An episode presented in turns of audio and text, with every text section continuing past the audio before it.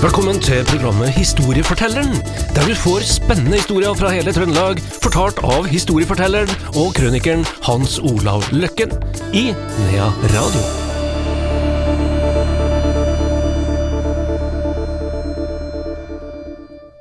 Velkommen til Historiefortelleren her i Nea Radio. Hans Olav Løkken, velkommen spesielt til deg. Jo, takk. Vi skal til, ja, ikke så langt fra Namsos, tror jeg, i dag.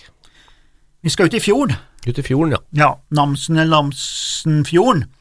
Vi skal først til ei øy, ganske stor øy, som heter Hoddøya. Og eh, den eh, Der var det folk til 1970.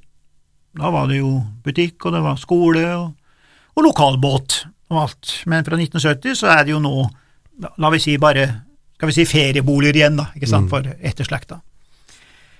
Eh, For mange år siden så fikk jeg en sånn tradisjonsfortelling fra, eh, fra den øya der, av en som heter Ekker, og han har fått eh, den nedskrevet av en som heter Einar Hamnes, som eh, i sin ungdom jobba som sesongarbeider på et sagbruk oppi der ved, ved Hodøya.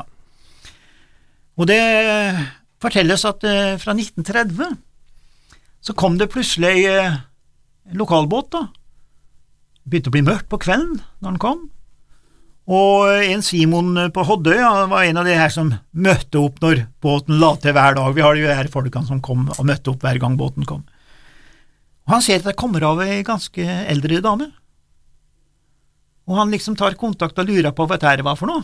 Det var ikke noe hotell og alt mulig sånn, da, og da forteller hun at eh, hun har vokst opp oppi der man kaller Hoddøyskaret, som et skar der eh, åsene reiser seg opp oppi.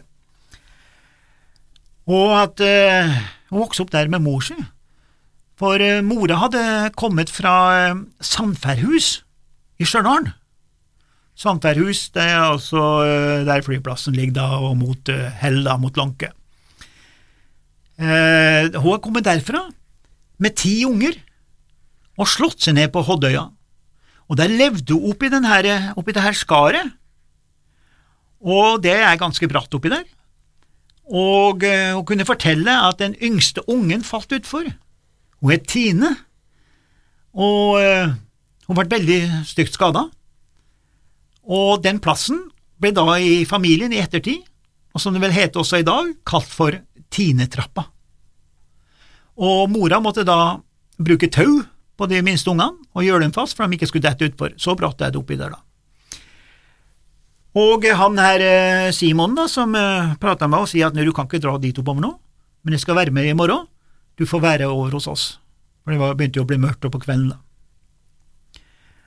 Og eh, hun har da fortalt at de, de klarte seg der oppe, og at de forlot etter hvert som de vokste, og hadde gått bra med alle ungene. Og der slutter på mange måter denne historien. Men så er det en raring, da, på Stjørdal, som meg, som finner ut at ja, man har funnet ut den der Sandfærhus-saken. Man har funnet den der kjerringa med ti unger. Da, som for, for, det er jo ganske tøft. Altså, jeg tenkte som så, å, hun har blitt enke.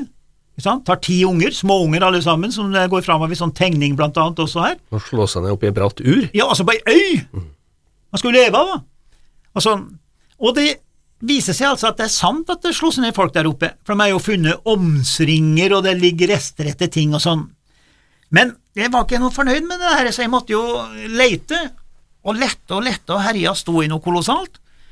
Og så finner jeg ut at det var ikke noen fra Det var rett og slett en person fra Sandfærhus, ja, men det var en kar.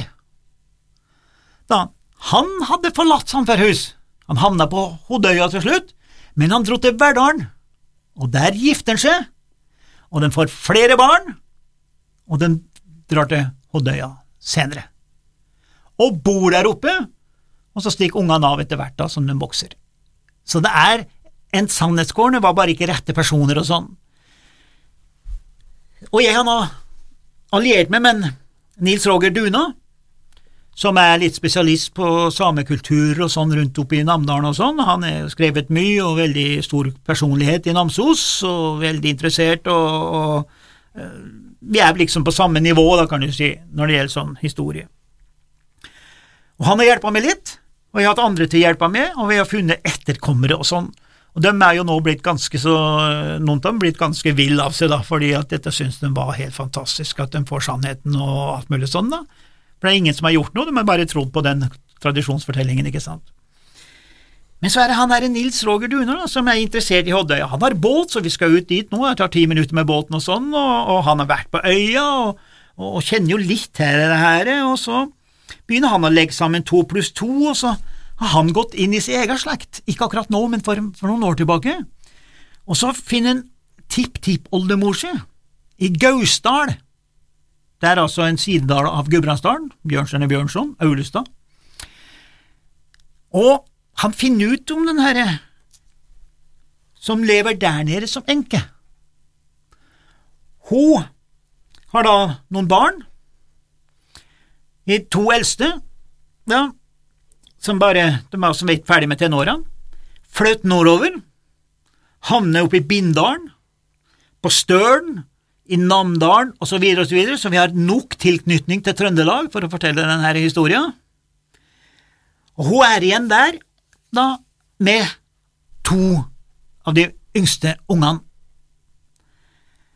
Og hun lever på en plass der, og i bygda så ser de plutselig at det er mye røyk fra den plassen. Og så tar de seg bortover, og da finner de huset nedbrent. De finner ikke lemningen, men de begynte å leite, og de fant altså ungene som var kasta på, på, på, elva, lemlesta, eh, antagelig kanskje seksuelt misbrukt òg, det står det bare spørsmålstegn på. Eh, de fant ikke mora før langt, langt, langt, mange uker etterpå. Hun var også totalt lemlesta. Og det ble jo en forferdelig sak ut av alt det herre. Presten involverte seg, så han har skrevet da i kirkeboka, og vi er nå 19. Eh, mai 1841, da, for å komme litt få et tidsperspektiv på det her. Det, eh, presten skriver både det ene og andre. Så går det enda ei stund, og så dukker det opp noen papirer som han her, Nils Roger Duna, får tak i, og begynner å legge sammen to pluss to og, får fire. Og det viser seg altså, når rettsvesensystemet gikk inn i dette så fant de ut og, hun, og det, det har glemt å ha sagt, altså, men hun er Sigrid, da, hun er mora. Hun kalte dem for, for uh, Døv-Sigrid. Døv for døv. Dialektord for døv. Og Døv-Sigrid. Eh, så begynner da etterforskningen, og de finner ut at det var en døvstum person da, i bygda, som de kalte for det her høres jo nesten forferdelig ut, men de kalte den for, for uh, Dumgutten. Hvis du skjønner poenget, det er jo forferdelig å kalle for det, om det er døvstum, så er jo ikke dum, ikke sant? Her, sånn. De kalte den for dum, Dumgutten, og mistanken gikk mot ham. Og så kommer det fram at det var antagelig han er blitt kjøpt av en skolemester, jeg tror jeg holder navnet utenfor da, sjøl om det er i 1840, men altså vi har navnet på skolemesteren, som hadde antagelig kjøpt han gutten til å gjøre denne forferdelige, tragiske tingene. Hvorfor i all verden? Fordi at skolemesteren hadde vært på ho Sigrid, og gjort henne altså fruktsommelig igjen, da, som det heter. Ikke sant? Har det vært frampå. Ikke uvanlig, ikke uvanlig. Og så får noen til å ta livet av det. En helt, og det her kommer opp via noen papirer, og han her er dumgutten, som de kalte han ble da sendt til eh, Magelsgården i eh, gården, Magelsgården i Kristiania i Oslo, som er forløperen til Oppstad tvangsleir nede på Jæren, som er ganske kjent i ettertid. Altså, han havna på en sånn tvangsgreie, da. Og disse sakene her, de glir på mange måter inn i hverandre på den historia vi holder på med nå, og som vi skal lage et stort kapittel til Stjørdals historie og til til Namsos og, og uh, Hoddøyas årskrifter og årbøker. Så det kommer noe positivt ut av det her, og alt dreier seg om det her med at spor krysses. Du driver med ei historie, du havner opp i en annen historie, og så krysser man sporene en eller annen plass igjen. Og Derfor så har vi da det her berømte og kjente uttrykket at ingen kan gå så lett på ski at spor ikke vises, og det gjelder også slektsforskning. Det vet du litt om. Det vet jeg litt om, ja. Og du skal dit. Det skal dit. Det blir spennende, da får vi kanskje høre mer. Da får vi høre mer. Ja. Det var historiefortelleren i dag. Takk skal du ha, Hans Olav Løkken.